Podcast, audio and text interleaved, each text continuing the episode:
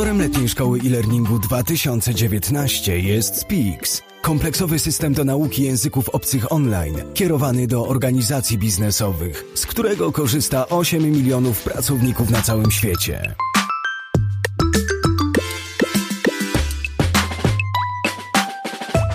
No to hej ho, zaczynamy. Jest czwartek rano. Hej ho. A my witamy w kolejnym odcinku Letniej Szkoły e-learningu. I dzisiaj temat ważny, um, dotyczący trendów, ale trendów takich bardzo realnych trendów, czyli tego, co tak naprawdę się wykorzystuje, a nie tego, jakie słowa kluczowe najczęściej pojawiają się w Google. Mam rację?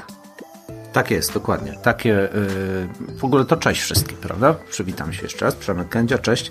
Yy, takie podejście chcielibyśmy zaproponować, żeby nie gadać o trendach, bo trendy jakie są, to wszyscy wiedzą i tych raportów jest mnóstwo, szczególnie gdzieś tam na koniec roku, natomiast chcielibyśmy pokazać, y, co faktycznie w organizacjach funkcjonuje i takie badanie zrobiliśmy. No i wspaniale, bo teraz powiem Ci, że sobie zerknąłem przed tym odcinkiem do, mm, przed nagrywaniem na e-learning industry. To jest e, Christopher Papas prowadzi taką stronę um, e-learning industry. I on sobie tam, oczywiście co roku tam jest mnóstwo artykułów i tak dalej, i on też takie trendy wrzucił, i, i oczywiście tam się pojawia adaptive learning, micro learning, artificial intelligence, e, grywalizacja, pojawia się augmented reality, virtual reality, e, pojawia się social learning, content curation i tak dalej. Czyli z mojej perspektywy pojawia się taki pewien miks rzeczy, które my byśmy chcieli wykorzystywać, albo uważamy, że one są w jakikolwiek sposób sexy, albo firmy tam chcą je sprzedać, a z drugiej strony rzeczy, które faktycznie są już mocno osadzone, my przynajmniej mamy wrażenie, że są mocno osadzone w naszej rzeczywistości, ale niekoniecznie w rzeczywistości naszych klientów. I myślę, że fajnie byłoby zacząć od tego, tak jak już trochę klasycznie, od tego, co w naszym raporcie. No dobra, to zacznijmy od tego, co w naszym raporcie. Tak jak e, powiedziałem, to pytanie trochę było podstępnie zadane, bo mm, brzmiało tak, czy Twoja organizacja wykorzystuje w procesie uczenia się i dzielenia się wiedzą, dwukropek i tam była cała lista i zaczęliśmy od najbardziej podstawowych rzeczy, czyli od platformy e-learningowej, potem webinary, szkolenia e-learningowe SCORM i to jeszcze nie są trendy, dopiero potem pojawiły się wszystkie trendy, czyli właśnie te, które wymieniłeś, social learning, microlearning, big data, sztuczna inteligencja, VR i tak dalej, e, no żeby zobaczyć, co w rzeczywistości się dzieje. Ta nasza próbka badawcza, ona była trochę mała, więc może te procenty, które się pojawiają w wynikach tego badania nie do końca odzwierciedlają sytuację, no ale mimo wszystko jakiś obraz się tutaj rysuje. E, no i krótko mówiąc, te pierwsze trzy elementy, platforma e-learningowa, szkolenia skormowe, webinary, to praktycznie każdy. Praktycznie wszystkie firmy to stosują i to jest jasne. Oczywiście to jest pewna baza. E, no i potem ten procent się e, zmniejsza zdecydowanie. Na czwartym miejscu, czyli z największym potencjalnie użyciem jest grywalizacja. E, potem social learning, cokolwiek to jest, ale to sobie zaraz o tym porozmawiamy. Potem jest content curation, tak, czyli zarządzanie materiałami zewnętrznymi. Microlearning, czyli jakby zjeżdżam do tego, co jest używane w coraz mniejszym stopniu. No tak? jasne. Mhm. Microlearning, mobile learning, big data, sztuczna inteligencja i VR i AR. To jest na samym końcu, czyli w najmniejszym stopniu używane. No więc króciutko już przedstawiłem syntetycznie wyniki tego badania i myślę, że warto się przyjrzeć poszczególnym tym trendom trochę bliżej, co za nimi tak naprawdę stoi. Aha. Co to oznacza? Oczywiście, ja, jak najbardziej, tylko ja powiem jak, jak popatrzyłem na to po raz pierwszy, na ten, na ten, na ten wykres i już, tak mówię, nie, nie, to jest jakiś snapshot z małej grupy, ale, ale on, on daje pewien... Um, nawet jeżeli to jest cień rzeczywistości, to, to zawsze lepszy niż, niż brak w ogóle spojrzenia, ale e, wiesz, jest jakby, to ono się idealnie wpisuje w coś takiego, co się nazywa modelem dyfuzji Rogersa. Nie? Dyfuzji, dyfuzji innowacji. tak jest. I teraz, jak, jak sobie pomyślę o tym, to zobacz, jakby ten model mówi, że no, jest jakieś tam tych innowatorów i wczesnych naśladowców jest kilkanaście procent, potem jest taka dziura, no nie? I potem się zaczyna tam wczesna większość, późna większość i maruderzy. I jak teraz popatrzysz na to, czyli maruderzy to ci, którzy wiesz, mają e, niskie dochody, nie są jakby mocno przywiązani do tradycji, nie mają pieniędzy na zainwestowanie w to czasami i tak dalej, ale jak popatrzysz na ten, na, na ten nasz rozkład, to zobacz. E, jak popatrzymy na tych ma, ma, maruderów, czyli tych, którzy gdzieś tam są na końcu tej, tej dyfuzji innowacji, to zobacz, że, mm, że te, to, to powiedzmy tam się gdzieś tam znajduje ta platforma e-learningowa, czyli większość firm, których pytaliśmy, no z drugiej strony to jest tendencyjne, bo pytaliśmy potencjalnie naszych, e, nas, naszych potencjalnych, pytaliśmy ludzi, którzy byli naszymi klientami albo będą naszymi klientami, więc jakby, żeby mogli od nas kupić, no to no to ciągle, ciągle gdzieś tam tę platformę, platformę e-learningową muszą mieć. I dlatego tutaj, powiem Ci tak, ja bym dodał tutaj jeszcze jeden słupek, taki dla, dla ogółu, czyli czy w ogóle masz e-learning, nie?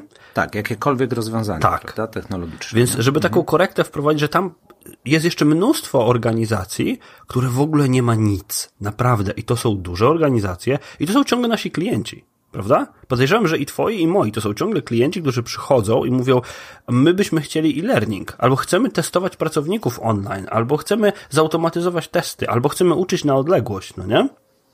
Tak, to prawda. To się zdarza w naszej praktyce dość często, że przychodzi firma, no i okazuje się, że tam jest kilka tysięcy ludzi i nie ma nic, mhm. nie? Czyli żadnych, żadnych technologii mhm. szkoleniowych. Mhm. No, więc dlatego myślę, że tutaj jest, wiesz, tutaj jest jeszcze jakby jeden słupek pasowałoby mieć, ale zauważ potem, co się dzieje. Szkolenia SCORM, one jakby poszły w grupie razem z tymi, z platformą e-learningową, webinarami, one jakoś tam poszły, no nie? A tak. potem jest taki przeskok już, kiedy mówimy o grywalizacji, ja tu, ja tu bym taki właśnie, tu, tu jest taka trochę luka, no nie? że wiesz, jak już mówimy o grywalizacji, social learning i tak dalej, to tu się zaczyna już taki, mm, taka trochę właśnie ta przepaść z tego, z tego modelu Rogersa, no nie? że jakby to, to nam, jakby nam jak najbardziej pasuje do tego, nie? Tak, bo zwróć uwagę, że w grywalizacji na przykład tylko 4% jest, e, deklaruje, że korzysta w mhm. istotnym zakresie. Mhm. Tak? Zdecydowana większość w ograniczonym czy w niewielkim zakresie, także zdecydowanie e, tutaj już nam zjeżdża e, ten, ten stopień czy zakres użycia. No super. No to teraz słuchaj, ja myślę, żebyśmy się pokusili o to, o narysowanie kreski na tym wykresie. Nie? W sensie, co jest taką rzeczą, mm, co jest takim buzzwordem, Myślę, że to bardzo pomoże naszym słuchaczom. Co jest buzzwordem? Co jest takim tylko mm, fajnym trendem, fajnie się o tym czyta artykuły, fajnie się o tym robi, ale nikt tego nie widział?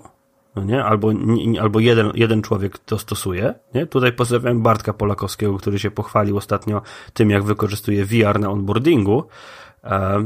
Ale, ale idąc od tej prawej strony naszego wykresu, no to w VR-ze to jest Bartek Polakowski. Przynajmniej ja nie wiem, czy wdrażałeś coś VR-owego. W sensie wirtualnej rzeczywistości, dla wyjaśnienia, zakładamy na twarz gogle i jesteśmy przeniesieni do innego świata, innej rzeczywistości, w której coś innego się dzieje. Mhm. No powiem Ci, że jeszcze nie wdrażałem, ale y, mamy taki mini lab y, zrobiony u nas w firmie i trochę się do tego przygotowujemy, y, bo faktycznie tych zastosowań jest nie za wiele, przynajmniej takich, które my mogliśmy zobaczyć gdzieś u naszych klientów, mhm ale z drugiej strony powiem Ci, że dotarłem do ciekawych danych, takich e, e, z ciekawego raportu. W zasadzie to jest zestawienie różnych danych statystycznych z różnych raportów. Okay.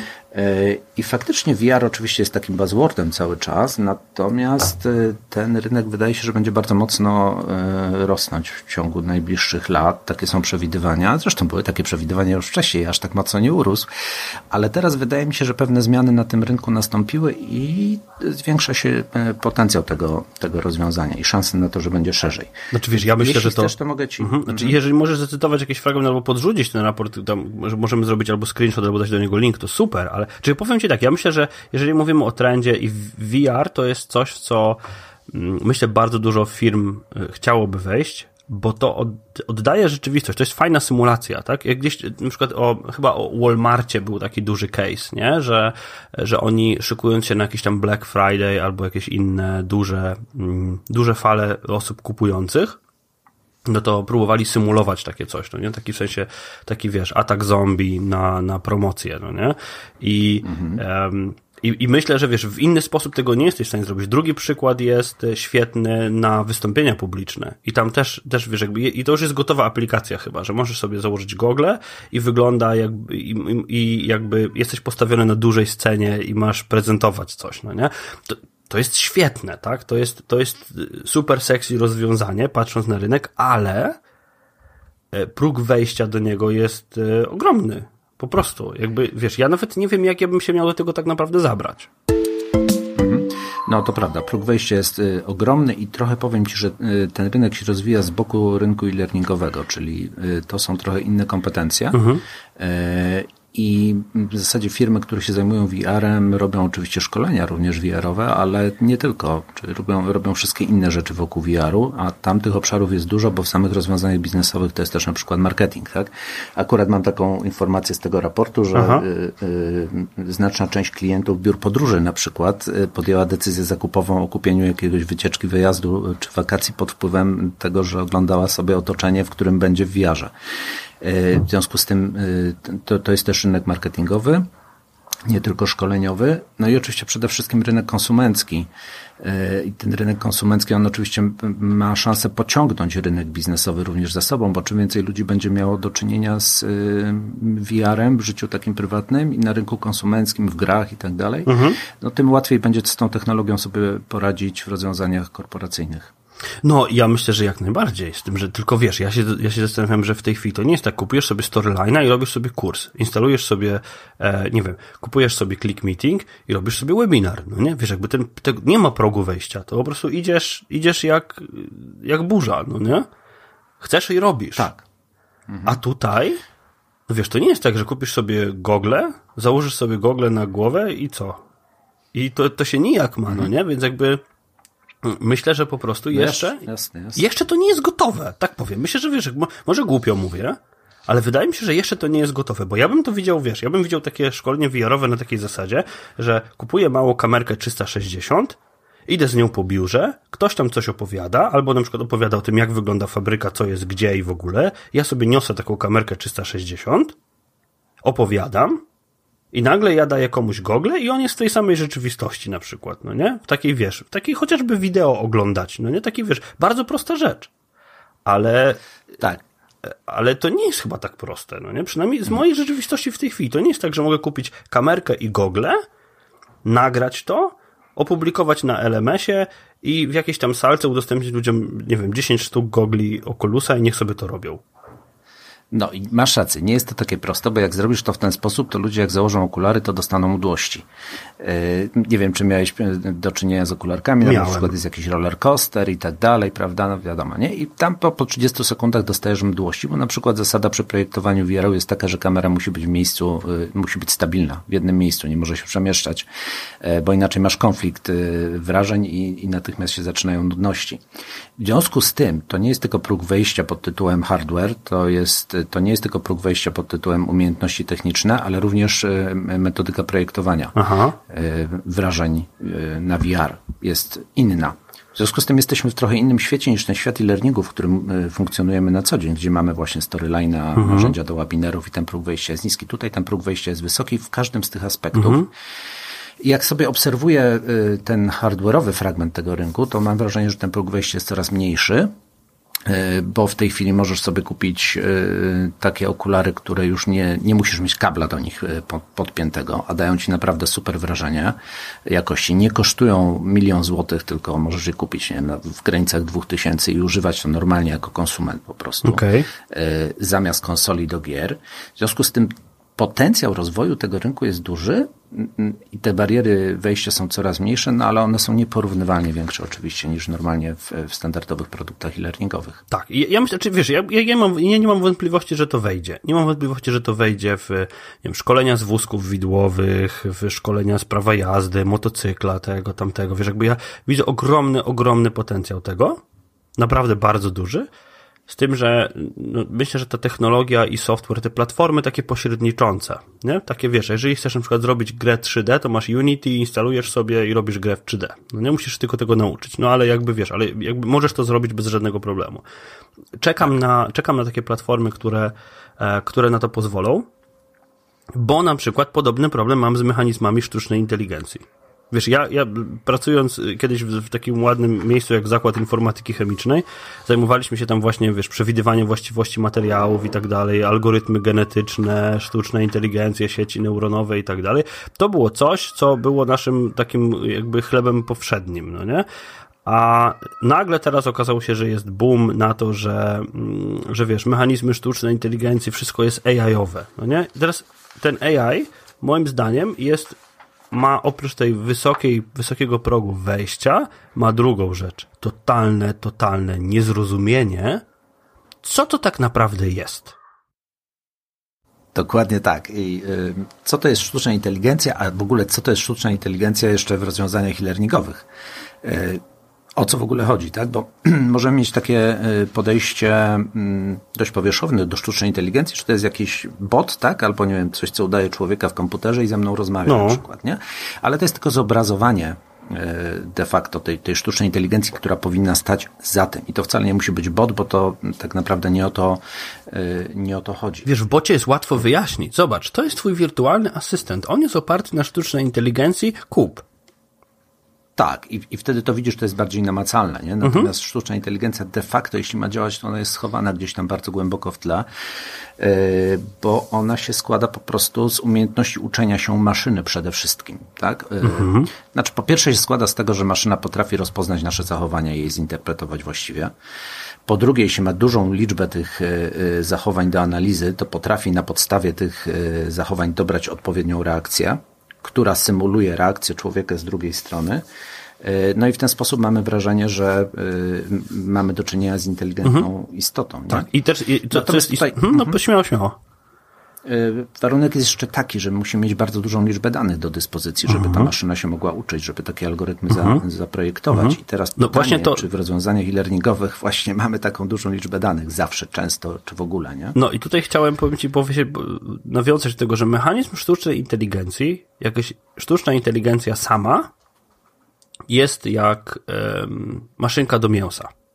Ona jest, jeżeli nie kręcisz korbą i nie wrzucasz mięsa, to nic z tego nie wyjdzie. No nie? To jest taka maszynka do mięsa, która potrafi się trochę modyfikować. I teraz mechanizmy sztucznej inteligencji, big data, microlearning i mobile learning, te rzeczy, które my tu mamy po prawej stronie naszego, naszego e, wykresu, to to są rzeczy, które muszą istnieć razem. One nie, one nie mogą istnieć osobno, bo sztuczna inteligencja, jako mechanizm sztucznej inteligencji, jakiś silnik do sztucznej inteligencji, on sam w sobie nie robi nic. Tak jak maszynka do mięsa, sama w sobie, jak stoi, to nie robi nic. No nie? Więc myślę, że to tak jest z perspektywy trendów ważne. Jeżeli ktoś mówi, o, mamy tam AI w LMS-ie, Mm, ale co on robi? Bo wiesz, ja, na przykład tutaj nie mamy, nie mamy na tej liście czegoś takiego, co się nazywa adaptive learning, tak? Takie, wiesz, takie, ja, ja kiedyś, mm, jak myślałem o mojej pracy jakiejś doktorskiej, to myślałem właśnie o systemie, który brałby elementy e, mikro, mikrolearningowe i układał je w zależności tego, e, jak, e, o, dziękuję bardzo. Żona tutaj przyniosła mi kawę. Patrz, jaki mam luksus. Widziałeś? Oj, cudownie. No. tak dobrze. Sam sobie musiałem. Ale masz, ćwierkają ci ptaszki, słyszę. Co ty? Ja miałem wrażenie, że to u ciebie. Tak? No to gdzieś po drodze tak. widocznie. Może gdzieś na łączach. Słuchaj, ale no prawda jest taka. Kawa mnie rozproszyła. Mechanizm sztucznej okay. inteligencji nie będzie działał, jeżeli nie będziemy go karmić i nie będziemy używać jego wyników. Po prostu, nie? Dokładnie tak. To pozwól mi teraz y, spróbuję opisać przykład takiego rozwiązania, w którym sztuczna inteligencja może mieć zastosowanie, dobra? Bo de facto w sztucznej inteligencji chodzi o to, żeby ci spersonalizować proces uczenia. E, żeby on się dostosowywał do e, Twoich potrzeb, prawda? Tam, gdzie masz lukę kompetencyjną, albo tam, gdzie, nie wiem, do obszaru, w którym lubisz się uczyć, czy metod, który, e, których lubisz używać i tak dalej. Mhm. No i teraz jednym z takich rozwiązań mogą być na przykład systemy do nauki języków obcych. Dlaczego? Dlatego, że po pierwsze masz pod kilkoma warunkami, tak? Czyli pierwszy warunek jest taki, że masz bardzo dużo użytkowników Czyli maszyna może się uczyć na podstawie, e, e, nie wiem, tysięcy ludzi, którzy korzystają z systemu. Dwa, drugi warunek jest taki, że masz bardzo dużo takich obiektów microlearningowych. Czyli e, już powstaje potrzeba taka, żeby dostosowywać te takie pigułki, że tak powiem, czy techniki uczenia się do potrzeb konkretnego użytkownika. I to jest sytuacja, w której sztuczna inteligencja może pomóc w personalizowaniu tego procesu uczenia się. E, jeśli te dwa mhm. warunki są e, spełnione, bo faktycznie maszyna może się uczyć tego, w jaki sposób ty się uczysz i dobierać tobie takie elementy e, uczenia, takie podsuwać tobie, żeby ten proces uczenia się był skuteczniejszy. Tak. I wyobrażam sobie, że w takich warunkach sztuczna inteligencja ma sens. Pytanie, czy często takie warunki istnieją w naszych korporacjach, tak? Bo jak mamy, nie wiem, nawet tysiąc, czy dwa, czy trzy, czy dziesięć tysięcy użytkowników, to niekoniecznie jeszcze to są takie warunki, w których ta maszyna będzie się dobrze uczyła i dobrze personalizowała ten proces, bo te, te liczby po prostu mogą mhm. być zbyt małe. Mhm. Wiesz co, ja, ja słyszałem o takim zastosowaniu mm, w którym maszyna rozpoznawała, kiedy mm, Chodzi o, na przykład chodzi o szkolenie obowiązkowe, czyli jak będziemy, będziemy też o tym mówić, o szkoleniach obowiązkowych, ale ja akurat zajmuję się w tej chwili dostarczaniem pewnego rodzaju szkoleń obowiązkowych i na przykład kiedy wysyłać remindery. I maszyna uczyła się, w której lokalizacji i w jakiej lokalizacji, wiesz, w której na przykład, nie wiem, czy, czy w Krakowie wysłać ludziom reminder w poniedziałek, bo wtedy ma największą skuteczność, czy wysłać, a w Poznaniu w czwartek, no nie? Bo ludzie jakoś tam pracują i ona była w stanie bardzo personalizować na przykład system powiadomień albo system udzielania, wiesz, zapisów na szkolenie, albo system e, przypomnień tego, kiedy ktoś ma zrobić jakieś szkolenie. Więc to też jakby duża rola tutaj jest tak zwanym takim assistive technology, jak to się ładnie nazywa, czyli taka, nie jest to sztuczna inteligencja wprost zaszyta w kurs, tylko to jest sztuczna inteligencja, to są mechanizmy jakieś AI-owe, które działają gdzieś z boku i wspie... trochę odciążają nas z robienia nudnej rzeczy, tak? Czyli z wysyłania remindera na przykład.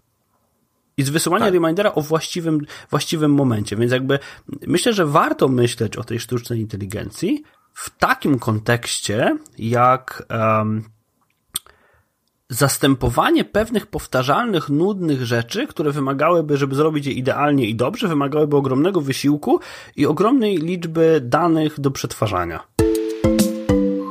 Tak, i ten przykład, który podałeś, znowu pokazuje, że potrzebujemy dużą liczbę danych, tak? Bo mhm. żeby się maszyna nauczyła tego, kiedy ma wysłać reminder e, z przypomnieniem, to musi mieć dużą liczbę obserwacji, że tak powiem, tak? Czyli mhm. y, musi analizować, kiedy uczestnicy otwierają, kiedy nie otwierają, jaka jest responsywność, powiedzmy, nie? Na te remindery. Więc na tej podstawie może się uczyć. Czyli musi być ta po prostu big data, że tak powiem, y, tym komponentem sztucznej inteligencji. Tak, a to jeżeli ktoś jest ciekawy, to też jakby jest aplikacja Duolingo, na pewno ją znacie. Tak. I jest taka strona AI, czyli ai.duolingo.com i to jest, to jest taka podstrona Duolingo, na której oni mówią o czym, w jaki sposób, w jaki sposób oni pracują z tą sztuczną inteligencją. Tam jest kilka publikacji. One są niestety chyba z 2018 jest, jest jedna, ale tam są jakieś modelowanie, na przykład modelowanie przyswajania drugiego języka. E, jest tam trochę tego, albo na przykład takie dane na temat tego, w jaki sposób się ludzie uczą i tak dalej. Ale oni mają, oni z tego co mówią, to mają tutaj tutaj, co jest napisane, with more than 300 million learners, czyli no, mnóstwo ludzi używa tej aplikacji, bo ona jest za darmo, ale strona ai.duolingo.com pokazuje, co tak naprawdę można z tego, z tego wyciągnąć. Są tam zestawy danych, można się tym pobawić i tak dalej. Jakby zachęcam do tego, bo to też pokaże, że ta sztuczna inteligencja, jakby myślę, że to jakby mam apel do, do, do potencjalnie naszych naszych słuchaczy, nie dajcie się nabrać na słowo kluczowe AI, że coś tam ma sztuczną inteligencję, a jest to jedynie chatbot, bo to jest takie, to it's lame. Tak jest. Za tym stoi naprawdę rozbudowana technologia i, i, i, skomplikowane algorytmy i przede wszystkim duża ilość informacji, nie? czyli tak. właśnie big data. I w takich rozwiązaniach to ma jak najbardziej sens. No i cool. I myślę, że myślę, że spoko. Co mamy dalej? Co mamy dalej, albo może wcześniej, wcześniej to mamy mobile learning. Mhm. Y, mm, I tutaj chciałbym też dwa słowa powiedzieć, bo to oczywiście to też jest buzzword, tak, mobile learning. Y, znaczy z jednej strony buzzword, a z drugiej strony ja korzystam. Ale teraz tak, korzystasz. No właśnie, bo zobacz, to jest tak, że na rynku konsumenckim mobile learning jak najbardziej. Y, jeśli ty sobie kupujesz kurs na, nie wiem, na kurserze czy na Udemy, mhm. to traktuje ciebie trochę jak rynek konsumencki, bo to jest twoja Dobrze. osobista decyzja. E, że kupujesz ten kurs, to dla ciebie mobile learning jak najbardziej, bo ten mobile twój, czyli twój telefon to jest, twoje najbliższy, to jest twój najbliższy przyjaciel i razem z nim się będziesz po prostu uczył. Natomiast w rozwiązaniach korporacyjnych mamy jedną kluczową barierę, e, jeśli chodzi o mobile, e, mianowicie w większości przypadków pracownicy, tak patrząc na, na, na, duże organizacje i duże zespoły ludzkie, nie mają do dyspozycji smartfonów służbowych, mhm. tak powiem. No i y, w związku z tym organizacja y, nie może ich wręcz, nie wiem, wymusić, czy za, zaproponować, czy do te, tego, żeby korzystali z telefonów komórkowych, które są ich osobistym urządzeniem prywatnym. Tak, zgadzam się. Do, mhm. do uczenia się w ramach e-learningu korporacyjnego i to stanowi bardzo dużą barierę, jeśli chodzi o mobile learning w rozwiązaniach korporacyjnych i to powoduje, że cały czas większość szkoleń e-learningowych jest pro, projektowana na desktopy, a nie na mobile. Tak, tutaj jakby ja myślę, że jest, jest też spory, spory trend tego, że ten mobile learning jest taką technologią dodatkową, ale są, są specyficzne grupy.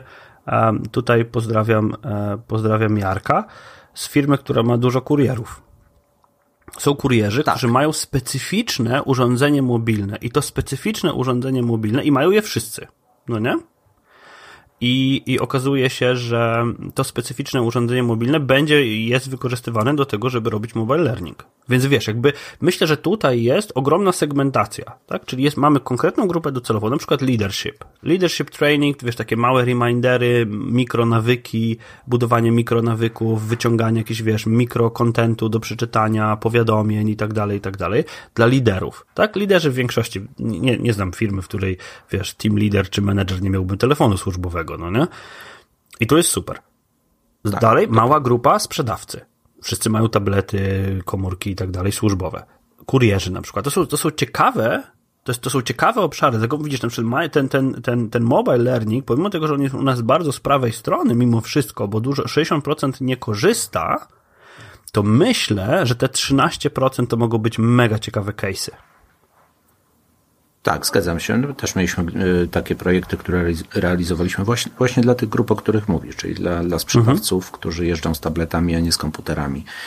No, oczywiście wiadomo, że wtedy cały content e-learningowy musi być zupełnie inaczej zaprojektowany, nie? Od samego początku do końca to jest... No tak, jest ale wiesz, to też mamy narzędzie takie chociażby jak RISE, czy Elucidat, czy tak. Gomo, gdzie wiesz, naprawdę możemy, wiesz, zrobić to szybko, no nie? Mhm, zgadza się. Także no tutaj bariera wejścia jest stosunkowo niska, nie? Natomiast większe są ograniczenia po stronie jakby kontekstu użycia, czy kontekstu korzystania ze szkoleń e-learning. No właśnie, bo teraz ja tutaj oczywiście szpilę muszę wbić w mobile, że większość rozwiązań mobilowych, które ja widziałem, to jest rozwiązanie desktopowe, przeniesione do narzędzia, które jest responsywne, w sensie, w którym content jest responsywny niestety nawet największe platformy takie jak Pluralsight, czy Lynda, czy, czy mnóstwo innych platform nie oferują tak naprawdę mobile learningu. Ja wiem, że się uczepiłem tego Duolingo, ale Duolingo jest zaprojektowane na mobile. Nie? Jakby e, mówimy o mobile first, mówimy o różnych takich trendach, ale dla mnie to są dwa różne zwierzęta. W sensie desktop learning i mobile learning to są dwa różne zwierzęta. I, i jakby, czy, czy, czy, jakie ty z twojej, swojej perspektywy, jaką byś dał rekomendację na projektowania mobilowego? Wiesz co, no, przed, no oczywiście mobile first, nie? Mhm. Czyli projektujesz od razu pod urządzenie mobilne. I e, wtedy efekt jest taki, że jako, możesz to oczywiście na desktopie otworzyć, ale wiadomo, że wykorzystasz minimalną, minimalnie potencjał y, e-learningu desktopowego. Aha. Natomiast y, jeśli chcesz projektować na mobile, to faktycznie mobile first i wszystkie dobre, dobre praktyki projektowania na mobile. I teraz są w korporacjach różne podejścia, tak? bo czasem jest tak, że niektóra grupa korzysta, czy jedna grupa korzysta na mobilu właśnie jak kurierzy, a druga grupa będzie korzystała na desktopie i trzeba znaleźć albo kompromis i zaprojektować mhm. coś, co będzie chodziło tu i tu i wtedy wiadomo, że jak jest coś do wszystkiego, to jest do niczego. No ale działa oczywiście. Albo drugie podejście jest takie, że projektujesz dwa rozwiązania, jedno desktopowe, drugie e, mobilowe i takie projekty moim zdaniem się nie udają, jak masz takie rozdwojenie jaźni. E, więc to też nie jest dobre. W związku z tym moim zdaniem rekomendacja, jeżeli masz większość użytkowników na mobilu w danym szkoleniu, no to jedziesz mobile first po prostu i projektujesz pod e, urządzenia mobilne. Dokładnie tak, dokładnie tak. I, i też powiem Ci, że to nie jest łatwe. Naprawdę to nie jest łatwe, bo zbudowanie i tutaj ogromna, ogromny ciężar w tym mobilu moim zdaniem przenosi się na te rzeczy około komunikacyjne i wdrożeniowe. Czyli na przykład mówimy o grupie sprzedawców, którzy będą korzystać z mobila. Oni oczywiście mówią, my nie mamy czasu, my nie możemy, my nie to, my nie tamto, my nie siamto. No nie? I ja tutaj chciałbym trochę takiego, takiego zrobić segwaya do, od, tego, od tego mobile learningu do micro learningu, który mamy obok.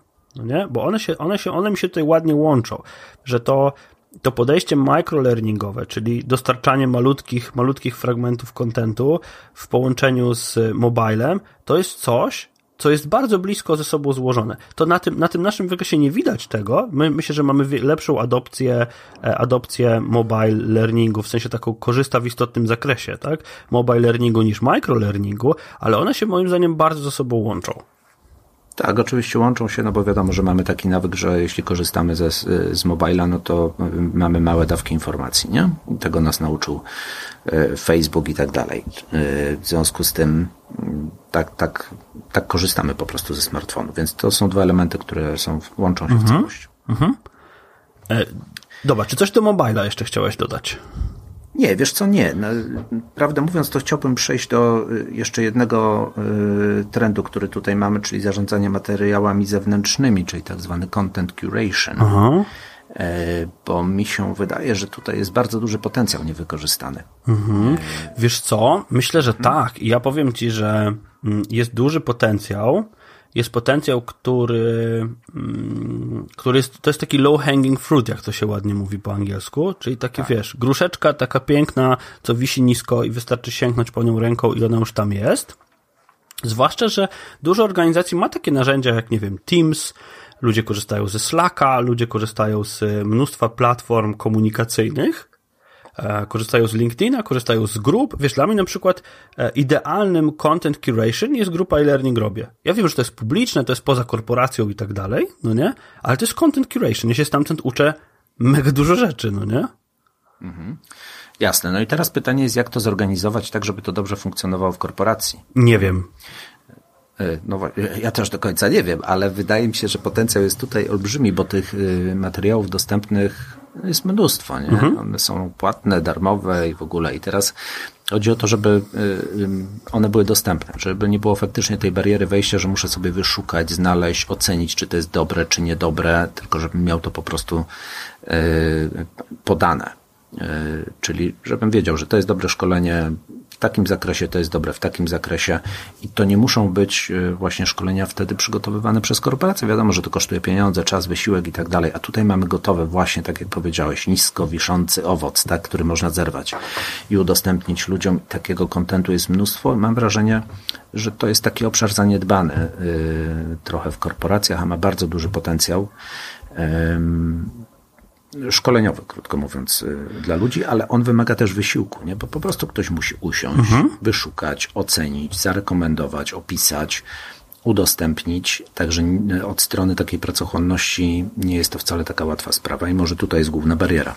Wiesz co, myślę, że tak, a powiem Ci jeszcze, z czym, się, z czym się to bardzo wiąże. Wiąże mi się to z czymś takim, co, mm, co się nazywa subscription-based, subscription learning, a, albo subscription-based learning. E, chodzi o to, że zobacz, na przykład jest, jest duża organizacja, bardzo duża i na przykład w różnej części tej organizacji mm, jest zrobiona, nie wiem, transformacja w kierunku, nie digital transformation albo agile, tak? To jest chyba takie najbardziej, najbardziej popularne transformacje, albo nie wiem, dawanie feedbacku. O, to jest takie, na pewno robiłeś szkolenie z udzielania feedbacku na 100%, tak? Jakby wszyscy robili. E, I, i, i teraz zobacz, jakby popatrzysz na to, z perspektywy organizacji, to w bardzo różnych miejscach organizacji umiejętności miękkie są potrzebne. W, różnym, w różnych zakresach, w różnych kontekstach. I teraz w takim subscription-based learning, w jakimś tam social learningu też, bo to się też z tym łączy trochę, albo przynajmniej może się łączyć, ludzie subskrybują sobie jakiś kanał, w którym kurator, ten czy tam taki, taki zarządzacz tą wiedzą, on udostępnia, poleca materiały, udostępnia je, pisze jakieś komentarze, odpowiada na te komentarze i, i tak dalej. I ludzie się mogą subskrybować ten kanał, no nie? I, I przez to, po pierwsze, ktoś jak to się ładnie mówi, nie, nie wiem, po angielsku się mówi knowledgeable, taki, um, taki subject matter expert, ekspert taki merytoryczny, dobiera te materiały, jakby bierze na siebie odpowiedzialność za ich jakość, a ludzie mogą, mogą sobie taki kanał subskrybować. I na przykład ja coś takiego um, robię, w, jeżeli chodzi o bezpieczeństwo informacji. Nie? Czyli jakby wrzucamy cały czas na taki kanał, na jakimś tam social learningu, materiały, które dotyczą różnych aspektów tego. Nie? Oczywiście czasami promujemy materiały własne, czasami promujemy własne rozwiązanie, czasami promujemy treści z zewnątrz, czasami przestrzegamy przed czymś i tak dalej, ale, no tak jak mówisz, to musi być jedna, dwie albo trzy osoby, albo zespół, który nie, że każdy ma odpowiedzialność za to, ale przynajmniej każdy buduje taki backlog elementów, które są warte polecenia. No nie? I one z jakąś tam kadencją, powiedzmy, nie wiem, wtorek, czwartek, wtorek, czwartek, pojawiają się te artykuły z odpowiednim komentarzem. I teraz, co jest dla mnie tutaj ogromnym wyzwaniem, to jest nie tyle publikowanie tej treści z komentarzem, nie tyle znajdowanie tej treści, bo treści jest mnóstwo, ale ocenienie wartości, czy to jest naprawdę wartościowa treść, a po drugie, utrzymywanie społeczności, czyli odpowiadanie na komentarze. Wiesz, to jest wyzwanie, bo teraz zobacz, ktoś czyta artykuł, który ty wrzuciłeś i pisze komentarz. Dla ludzi, którzy to czytają, komentarz jest równie istotny, co sam artykuł. Czasami ludzie nie wchodzą do artykułu, czytają tylko twój lead, takie wiesz, too long didn't read, no nie? Czytają twój lead i czytają komentarze. I tutaj, moim, przynajmniej z mojego doświadczenia, to knowledge curation polega właśnie na doborze tych treści, to jasne, ale na interakcji ze społecznością, które to się łączy z tym social learningiem właśnie. E, I, i tu jest wyzwanie dla mnie.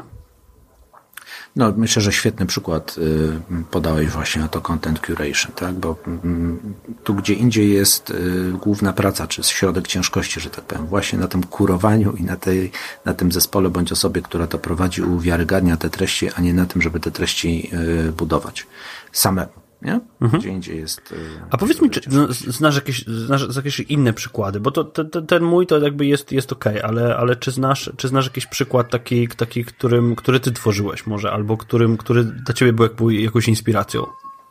Nie, wiesz co, powiem Ci szczerze, że nie właśnie i dlatego myślę, że tutaj jest duży potencjał i duża luka, ale to trochę też wynika z naszej roli, nie? bo mhm. my się nie zajmujemy y, właśnie dostarczaniem czy, czy tym właśnie content curation, tylko bardziej dostarczaniem materiałów czy budowaniem materiałów własnych korporacji, które potem mogą do takich kanałów korporacyjnych y, wejść jako materiał własny okay. i jesteśmy trochę poza, jakby na zewnątrz tego, tego tematu. Mhm. No wiesz co, ja czasem mam wrażenie, że wiesz, tworzymy materiały własne korporacji, a tymczasem gdzieś, gdyby poszukać w necie, to są dostępne też materiały obce, że tak powiem, yy, które mogłyby fajnie wspierać całe A, oczywiście. oczywiście. wcale nie są wykorzystywane, nie? Mhm. Ale tu powiem cieszę, że jeśli chodzi o ten, to, ten knowledge curation, to on w wielu wypadkach łączy się też z tym social learning jak najbardziej, ale łączy się też z grywalizacją. Ja tak cały czas ściągam, wiesz, ściągam nasze, na, na, na, nasz, na, nas do, w kierunku, w kierunku tych takich e, rzeczy, które się już tak naprawdę dzieją, ale powiem Ci dlaczego, bo, bo jest taka platforma, nazywa się Influitive i kiedyś korzystał z niej Articulate. Ja byłem jakbyś, tak, jakimś ambasadorem Articulate'a przez jakiś tam czas i słuchaj, co oni robili właśnie knowledge curation. Wrzucali treści, czasami swoje, czasami nie swoje, czasami opisali, opisywali jakichś influencerów i tak dalej ale mieli to świetnie spięte z mechanizmem grywalizacyjnym. Działało to tak, że czytasz artykuł i jeżeli miałeś na przykład więcej niż tysiąc osób followujących na Twitterze i podzieliłeś się tym artykułem, to dostawałeś jakieś tam punkty. I te punkty mogłeś sobie wymienić albo na licencję, albo na na jakieś książki, wersji elektronicznej, wersji nieelektronicznej. Na przykład ja dostałem od nich Blue Yeti, dostałem jakieś hoodie, taki wiesz, bluzę jakąś taką z kapturem, z, z napisem e, jakimś tam artykulate'owym, jakieś szklanki, jakieś coś tam, wiesz, jakby to były małe rzeczy, ale ta grywalizacja tam świetnie działała i ta platforma Influitive, ona jest dostępna cały czas, ale ona właśnie, widzisz, z jednej strony oni zrobili to tak, że zarządzali treściami też własnymi, po drugie, potrafili to obudować społecznością i rozszerzaniem zasięgów, a po trzecie, zapięli prosty mechanizm grywalizacyjny. I ja się dzieliłem tymi linkami, bo co mi zależy, jeżeli oni wykonali za mnie trochę roboty, czyli zrobili fajną treść, którą ja się mogę podzielić ze swoimi ludźmi w social mediach i ta treść jest wartościowa i ona jest naprawdę do, do high quality, no nie, super jakość, ja się tym podzieliłem i jeszcze mogłem dostać za to nagrodę. No come on, to jest win-win sytuacja, no nie? Wiesz, jakby i, i, i, i dlatego, dlatego właśnie może wejdźmy w tę grywalizację. Jak zrobić, żeby grywalizacja działała i żeby była win-win?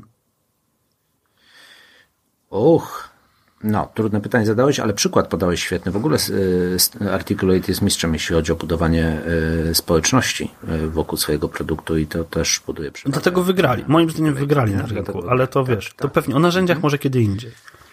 Tak, o narzędziach kiedy indziej. Natomiast y, jeśli chodzi o grywalizację, nie, to tutaj grywalizacja różne ma imiona, że tak powiem.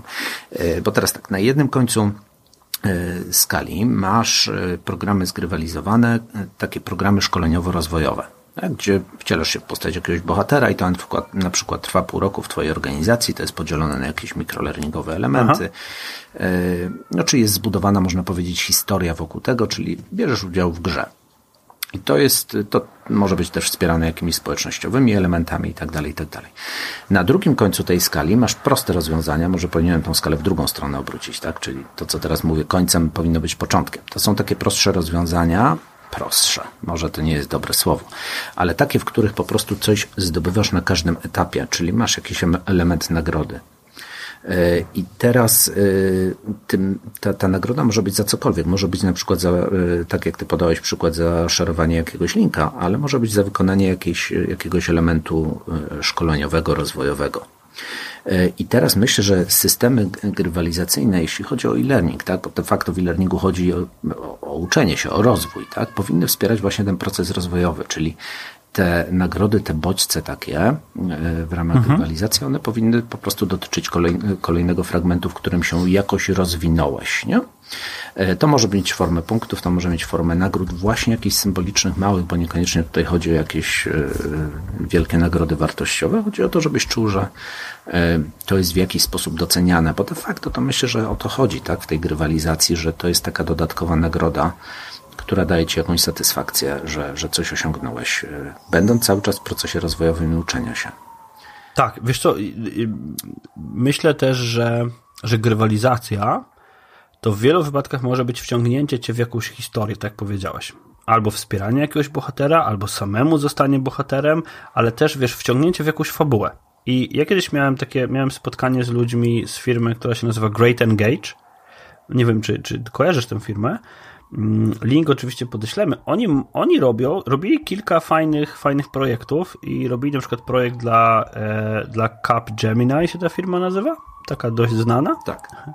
E, I, I oni robili, oni robili ciekawe, ciekawe projekty. Są gdzieś tam na, na Vimeo można i na ich stronie, i na Vimeo można podglądać, jak te rzeczy u nich wyglądały e, i jakieś tam elementy, elementy można platformy zidentyfikować świetna rzecz pod względem, oni pokazują na swojej stronie właśnie świetną rzecz pod względem tego, jak była budowana baza wiedzy, jak były robione rankingi, jak wyglądał sklep, w sensie wymienianie tych rzeczy. I tam jest taka taka, taka historia, która była dla Capgemini, nazywa się to Story of Alan chyba. Jakiś był tam bohater, chodziło o jakieś tam zarządzanie zmianą po prostu. Ale wiesz co, można było wygrać personalizowane rzeczy, takich rzeczy, których nie możesz wygrać nigdzie. I słuchaj, co mnie urzekło w tej grywalizacji, że za jakieś tam rzeczy rozwojowe mogłeś wygrać taki, to, to, to był kubek taki jak tekturowy kubek na kawę, w którym były skarpetki. No nie? ja wiem, że to jest, wiesz, to jest trywialne, że może powiedzieć, że to jest, to jest zabawne, to jest śmieszne, no nie? Ale jak obudujesz taką prostą, tanią rzecz, bo o to chodzi, żeby ta nagroda była relatywnie tania, no nie? Żeby to nie była nagroda, wiesz, tam, że rozdajesz iPady za zrobienie szkolenia z BHP, no nie? Tylko, tylko wiesz, to jest, to jest coś, ale coś na tyle unikalnego, że nie możesz dostać tego nigdzie indziej. I to jest jedna rzecz. Druga rzecz, którą jakby w projekcie, w którym gdzieś tam kiedyś uczestniczyłem, ludzie, którzy przechodzili przez odpowiednie poziomy zaawansowania w jakiejś tam metodologii zarządzania, dostawali inne badże. Nie? Czyli wiesz, masz badge z, z ten identyfikator ze swoim imieniem i nazwiskiem, a do tego na przykład dostawałeś biały, żółty, zielony, czerwony, czarny e, badge, który był pod spodem i wystawał tam, wiesz, 2-3 mm na około tego, tego oryginalnego. No nie? I, I to była grywalizacja. I wyobraź sobie teraz na poziomie całej organizacji, to, to po prostu działa, no nie? Bo wiesz, bo nagle się okazuje, że że, że to jest coś, co e, tych ludzi w jakikolwiek sposób właśnie wciąga w szerszy kontekst grywalizacyjny, no nie? Albo wciąga w szerszy kontekst takiej, takiej wiesz, e, rankingu trochę, no nie? Albo rangi doświadczenia w tym, no nie? I to, wiesz, niby, niby taka prosta rzecz, a, a, a jakiś mam tu ładny background noise. No, bardzo ładny. Tak, ale, ale wiesz, jakby to jest, to jest coś, co po prostu działało, nie? Na poziomie całej dużej organizacji. Jasne. Kolorowe identyfikatory, prosta rzecz, nie? Tak, i skarpetki, nie? Bo skar skarpetki jeszcze tak mają tą cechę, że są taką osobistą rzeczą mocno, więc y, y, też fajną nagrodą. Ale to pokazałeś tą warstwę nagród, mhm. natomiast do tego jeszcze musisz mieć mechanizm, nie? Tak. I teraz ja nie chcę tutaj robić kryptoreklamę, ale podzielę się jednym z projektów, które my z kolei robiliśmy. Super. Y, to jest projekt, który jest oparty na naszej platformie, bo ona ma takie mechanizmy właśnie punktowania wszystkich elementów y, y, rozwojowych i w oparciu o to można sobie tam budować różne rankingi. I jeden z projektów takich zgrywalizowanych, który robiliśmy, to był projekt dla sieci sklepów. I w ramach tego projektu każdy sklep był zespołem. E, czyli były rankingi zespołowe i mm, jeszcze oczywiście były też rankingi indywidualne. I oczywiście był cały program rozwojowy e, ustawiony. Tam tych obiektów było chyba ze 20 takich stosunkowo małych e, w ramach tego programu. Każdy taki obiekt był punktowany, każdy trochę inaczej w zależności od jego znaczenia i wagi. No i potem oczywiście zespoły były nagradzane też właśnie takimi symbolicznymi nagrodami, nie? Ale ważne jest to, żeby mieć ten mechanizm, który pozwoli ci tym zarządzać i ustawić ten proces gry grywalizacji. E, I to jest, mamy teraz dwie warstwy tej grywalizacji, czyli warstwę nagród, o której mówiłeś, takiej dodatkowej motywacji. Mamy warstwę mechanizmu, który pozwala mhm. zarządzać i jeszcze mamy trzecią warstwę, czyli tą warstwę story, można powiedzieć. No właśnie. Czyli tego, co się dzieje w tych y, y, obiektach rozwojowych, które stoją na tym całym systemie. I to mogą być różne obiekty i to mogą być też gry e-learningowe, nie? Y, czyli bardziej rozbudowane historie które nie do końca są w Twoim świecie i tak dalej, i tak dalej. Więc jakby co tam zrobisz w środku już, to jest tutaj pełne pole do popisu i fantazji i kreatywności, co stoi na tym mechanizmie, nie? Bo tam można zaimplementować różne fajne również yy, zgrywalizowane obiekty. No tak, a, Także takie a, a, trzy warstwy jakby uh-huh. grywalizacji, nie? Uh-huh. No a, a mimo wszystko na samym dole są te cele rozwojowe. Tak, oczywiście. Właśnie to jest wszędzie, nie? To, to mhm. jest, wiesz, to, to, jest, to jest coś, ja, ja na przykład ja, jakiś czas temu przez ostatnie parę lat nawet prowadziłem zajęcia z grywalizacji na SGGW, tam jest ten kierunek e-learningowy i powiem Ci, że, że ja tam bardzo mocno kładłem nacisk na to, żeby nie trywializować, nie?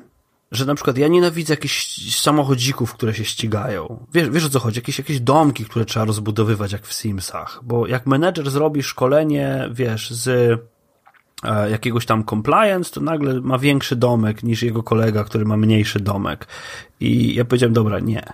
To, to, to, nie, jest, to nie jest grywalizacja. Grywalizacja to jest właśnie story, wciągnięcie w kontekst, a taka, takie budowanie domków to jest, to, to, to jest po prostu jakieś, jakieś wykorzystanie jakiegoś mechanizmu, który jest łatwe, proste, tak, ale nic nie daje że ja mam większy domek niż kolega, albo mniejszy domek niż kolega, to albo jestem w rankingu wyżej, albo niżej. Me, to, to jakby to, to mi nic nie daje, tak? Ja nie mam czasu, ja robię ważne rzeczy. Wiesz, patrzę na przykład na szkolenie liderskie, tak? Jeżeli zrobisz ranking liderów, że ten natłuk, natłuk punktów 1500, a ty jesteś na, na tam, wiesz, na, masz trzy punkty, to myślisz sobie, ok, ja nie mam czasu się w to bawić, ja mam ważne rzeczy. Nie? Taki, ja, ja się na przykład spotykam z takim, wiesz, z taką, z taką linią obrony. Ja mam ważne rzeczy, ja się nie będę w to bawił. Tak, dok dokładnie. No tu dochodzimy do tego, co jest korowe, nie? W learningu, czyli musisz mieć y, poczucie sensu tego, co robisz. Bo I adekwatność. Przenosisz, tak, i adekwatność. Jeśli się przenosisz w inny świat, w którym jest zbudowana jakaś historia, to musisz mieć poczucie, że to się jakoś odnosi do tego, co ty robisz w praktyce. Y, więc nie można pójść za daleko, nie? Bo wtedy stworzysz po prostu grę, a nie grywalizację. No właśnie, Ona nie czyli... będzie rozwojowa, tylko będzie po prostu fanem i zabawą, a na fan i zabawę to ja mam czas, jak wrócę do domu i sobie tam odpalę moją konsolę, tak. nie? a nie, a nie w, w środowisku pracy. Tak. Jakiś F1 to, to jest dużo, większa, tak. dużo większy fan niż y, feedback, no nie? Dokładnie. I tu rozwiązaniem e-learningowym nie pobijesz tego F1 czy jakiejkolwiek innej gry, nie? którą masz tam na konsoli dostępną i którą lubisz. No, nie wygrasz po prostu mhm. z tym, nie? Więc mhm. tam musi być widoczny ten, ten sens i po co ja to robię w ogóle. No i super. I teraz powiem Ci tak, że jak zobaczysz, że ta grywalizacja ma 4%, to jest ciekawe. To jest dla mnie fenomenalne, fenomenalna rzecz, którą tu widzimy. Ona gdzieś tam jest, ale zobacz, korzystamy w niewielkim zakresie. Ona ma dwie rzeczy ciekawe. Na, na, przynajmniej w tym naszym badaniu. Po pierwsze, ma ogromną wartość 70%, że a, gdzieś tam jest, coś tam próbowaliśmy, a z drugiej strony w istotnym nie jest istotna. No nie? Patrz, to, to ewidentnie widać, że nie uważają, że to jest istotne. Podobnie jak pewnie nie uważają, że istotny jest social learning no nie? I, i webinary. Nie? Jakby, tak. wiesz, niewielki zakres. Gdzieś tam coś było, no nie? Ale ja myślę też, że wiesz, że, um, że, że jeżeli popatrzymy na grywalizację, to ją jest zrobić trudno. Wydaje się, że to jest takie fajne, łatwe i w ogóle, ale to jest trudne. Z mojego doświadczenia, zaprojektowanie, wiesz, napisanie podręcznika, jak zgrywalizować um, jakiś proces, to jest trudne. To jest czasami kilkadziesiąt stron tekstu, co, kiedy, w jakiej sytuacji należy zrobić, żeby firma mogła go przeprowadzić. No nie? Dlatego ja na przykład, um, dlatego wspomniałem Great Engage, no nie? Bo, bo, bo wiele firm u nich na przykład outsourcowało. I to nie chodzi o reklamowanie ich albo nie reklamowanie ich, ale outsourcowało wszystko. Nie? Bo oni są ekspertami od prowadzenia tego procesu. I myślę, że tutaj warto się zastanowić nad tym, kiedy ktoś rozważa grywalizację, czy nie wyoutsourcować. Y, tobie mniej, mnie nie, bo ja się tym nie znam, ale czy nie, czy nie wyoutsourcować komuś nie tylko dostarczenie rozwiązania, ale mm, czy nie wyoutsourcować całego, mm, całego procesu prowadzenia tego. Mhm. Tak, to, to jest y, trudna sprawa i faktycznie wymaga doświadczenia. Nie? To, jest, to jest kwestia tych trzech warstw, o których już mówiliśmy, że ich połączenie nie jest proste. Jest kwestia znalezienia równowagi pomiędzy y, światem y, wymyślonym a światem rzeczywistym i procesem rozwojowym, nie? co jest bardzo trudne. No i oczywiście zaprojektowania wszystkich mechanizmów właśnie, nie? jak się łączy to, co robisz w procesie grywalizacji z tym, co robisz mhm. na co dzień. Mhm. I to już nawet nie mówię o procesie rozwojowym, bo to, to może dotyczyć wszystkich innych procesów nie? I, i w marketingu i tak dalej, i tak dalej. Także no nie jest to łatwe, nie jest to łatwe, wymaga odrębnych kompetencji. No dobra, to teraz myślę, że popatrzymy na, te, na, na tę korową trójkę platforma e-learningowe, webinary i paczki skormowe. To to już rozumiem, że jakby jeżeli, jeżeli zerkniemy na to, to to już jest e-learningowy must have. Nie? Tak, to jest standard po prostu. To jest po prostu standard. I teraz pytanie, czy to, czy możemy to nazwać trendem, czy to już jest taka rzecz, która, me, to już jest i się, wiesz, jak asfalt na ulicy, niespecjalnie się nad tym zastanawiamy. No, wiesz co, to jest trochę z boku trendów, nie? bo to są mhm. takie trzy elementy, które myśmy do tego badania dodali, żeby był punkt odniesienia do trendów, żeby mieć właśnie e, porównanie, nie? co stosujemy, a jak na tym tle wyglądają, yy, wyglądają trendy, więc pewnie trudno to nazwać trendem, aczkolwiek każdy z tych elementów się rozwija sam w sobie. Jakbyśmy porównali szkolenia skormowe dzisiaj projektowane i realizowane z tymi, które były tam 5-7 lat temu, no to to jest przecież inny świat i często od strony metodycznej, wizualnej, projektowej, graficznej i w ogóle, tak? Tak samo platformy e-learningowe się y, zmieniają. To mhm. jest dość powolny proces, bym powiedział akurat, nie? Wiesz co, ja... One są trochę jak takie tytaniki. ja Ale... jestem niestety zrozpaczony, jeżeli chodzi o platformy e-learningowe, mhm. bo nie widziałem jeszcze dobrej. Powiem Ci tak naprawdę, nie widziałem dobrej, nie mówię o małych platformach, nie mówię o platformach dla firm kilkuset osobowych. No nie, bo tutaj rozwiązania są. Lekkie, małe rozwiązania, wiesz, firma, powiedzmy nawet tysiąc, dwa tysiące osób do ogarnięcia. No nie? Mówię o tak. takich korporacyjnych statkach flagowych, tych takich, wiesz, jak mówisz, wielkich Titanikach, wielkich tankowcach. Nie widziałem ani jednego dobrego rozwiązania. I to proszę wszystkich dostawców dużych rozwiązań o to, żeby do mnie nie dzwonili, bo jakby e, chodzi o to, że nie wiem, czy masz takie wrażenie, czy, czy, czy nie, ale jakby moim pierwszym etapem, kiedy pracuję z jakimś, jakąś firmą, to zanim jeszcze w ogóle zaczniemy designować cokolwiek, ja mówię, proszę bardzo, tutaj są cztery paczki Skorm, sprawdźcie, która działa. Mhm, tak. Wiesz, Co? jakby. Jaki jest efekt? Jedna działa. działa? Jedna, jedna działa. działa. Czasami działa, czasami nie działa, czasami y, pozdrawiam Kamila, y, czasami Kamil musi naprawiać, no nie?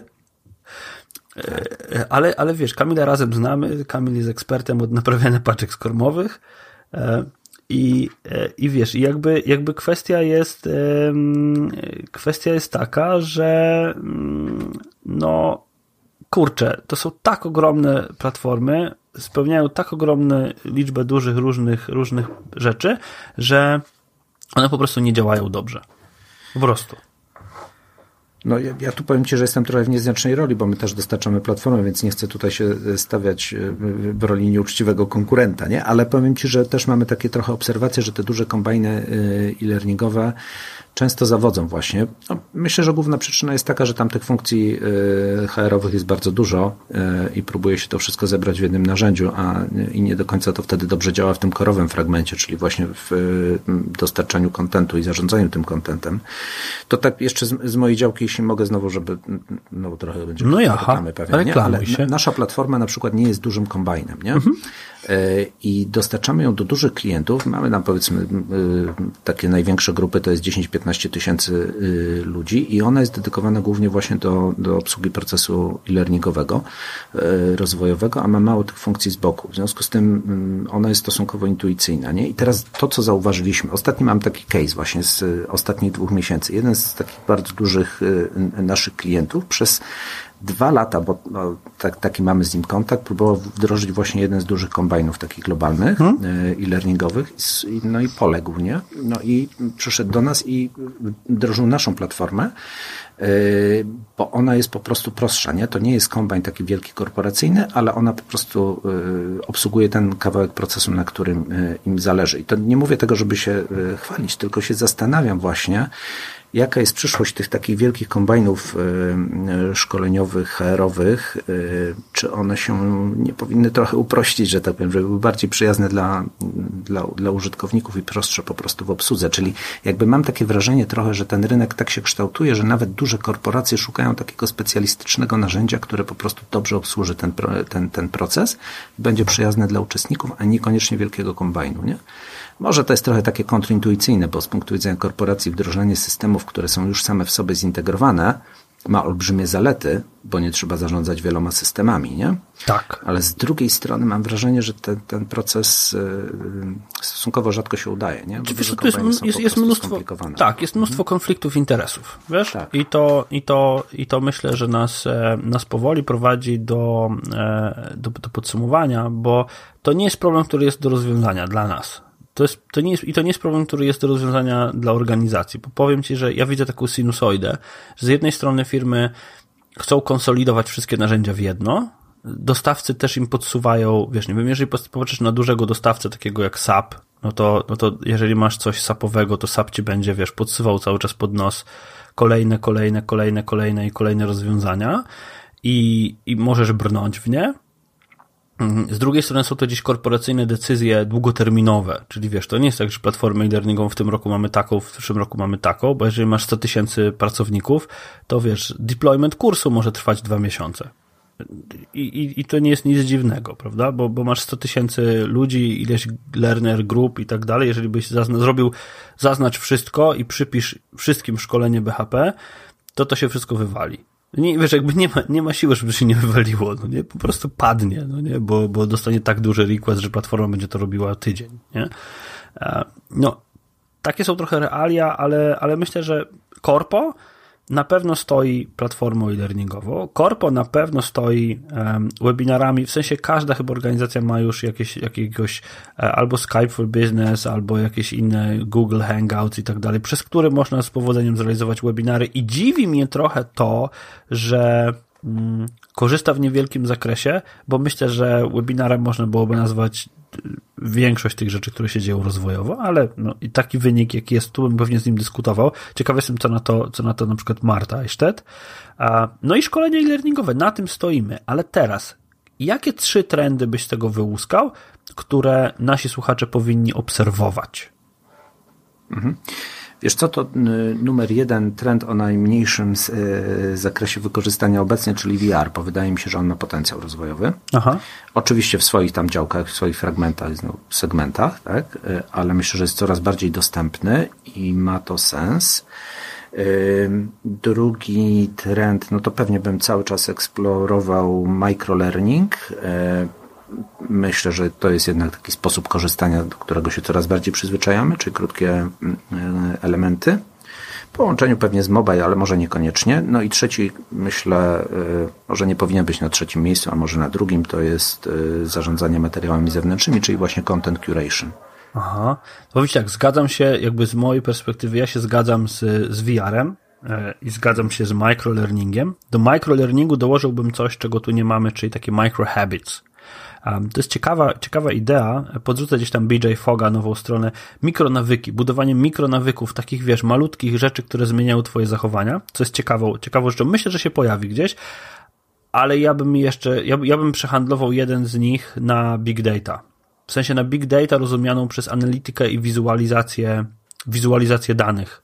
E, I nie musi to być big data, po prostu data i, i data science. I wiesz dlaczego? Bo wydaje mi się, że my w learningu bardzo mało jesteśmy data driven. Bardzo, bardzo jesteśmy tacy HR driven, tacy wiesz, e, że HR-y nam mówią, co mamy zrobić, a bardzo mało patrzymy na dane. Bardzo mało patrzymy na, na to, co, um, co i jak się ludzie uczą. Patrzymy przeważnie na wynik skormy, o tyle i tyle zaliczyło, ale my nic nie wiemy o tym, co się dzieje w środku, ani jak, więc jakbym, ja bym obserwował to big data, bo ono może mieć duży, duży wpływ biznesowy po prostu.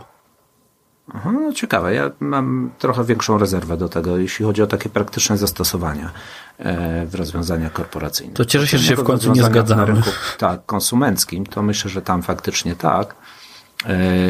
No, tak jak mówiliśmy już o tym trendzie, że te warunki muszą być spełnione do tego, żeby ta sztuczna inteligencja zaistniała. Nie do końca jestem przekonany, czy to jest taki moment, mhm. w którym mamy te warunki spełnione i czy to może być rosnące mocno rozwiązanie korporacyjne. No masz no, rację, pierwszy punkt, w którym się nie zgadzamy. Cieszę się bardzo, że się nie zgadzamy, bo będziemy się mogli nie zgadzać i w kolejnych odcinkach, bo um, o czym we wtorek? Y, wiesz co, następny odcinek to jest y, odcinek poświęcony szkoleniom obowiązkowym. Taki mam plan. Także y, gruba sprawa, albo i nudna sprawa, y, bo tak wynika trochę z badań. Y, no ale to już w następnym odcinku. Dobra, Ale super. powiem ci, wiesz co, tak na koniec, że takiego długiego to jeszcze nie nagraliśmy. Nie, takiego długiego chyba nie nagraliśmy. No. Ja w ogóle wymyśliłem, Ludzie że... nie wytrzymają, słuchaj. To... Wiesz co, myślę, że nie wytrzymają, a jeszcze mam w planie odcinki ekstra, bo um, już tak podsumowując e, i, i, dziękując za uwagę, e, mam, mam tyle materiału, który został przysłany przez, e, przez naszych słuchaczy i współtwórców, że chyba będziemy robić odcinki ekstra, więc będzie tego kontentu jeszcze więcej, ale wiesz, jakby to oznacza tylko tyle, że to nie są proste tematy i myślę, że to jest, że fajnie, że to fajnie, że możemy sobie takie rzeczy porozkminiać, bo wiesz, ta letnia szkoła e-learningu też mnie dużo daje, tak? Wiesz, jakby e, to myślę, że to jest taki nasz, nasz mały duetowy mastermind, gdzie możemy się, wiesz, podzielić jakimiś swoimi, e, swoimi doświadczeniami, ale nie przedłużając, e, proszę was bardzo oczywiście o fotki z tego, jak słuchacie. Dziękuję, e, dziękuję Michałowi, dziękuję Monice za super fotki z tego, jak słuchacie letniej szkoły e-learningu. Bardzo o nie prosimy. W grupie e-learning robię, wrzucajcie. One poza grupę sobie nie wychodzą, więc możecie się nimi śmiało dzielić. Dajcie znać, dzielcie się, piszcie komentarze e, i jeżeli możecie się przysłużyć dzieląc się tymi odcinkami, to bardzo proszę. I również bardzo proszę o recenzję w iTunesie, bo one sprawiały, że do większej liczby osób ten podcast dociera. Także za dzisiaj bardzo, bardzo dziękuję. Dzięki również.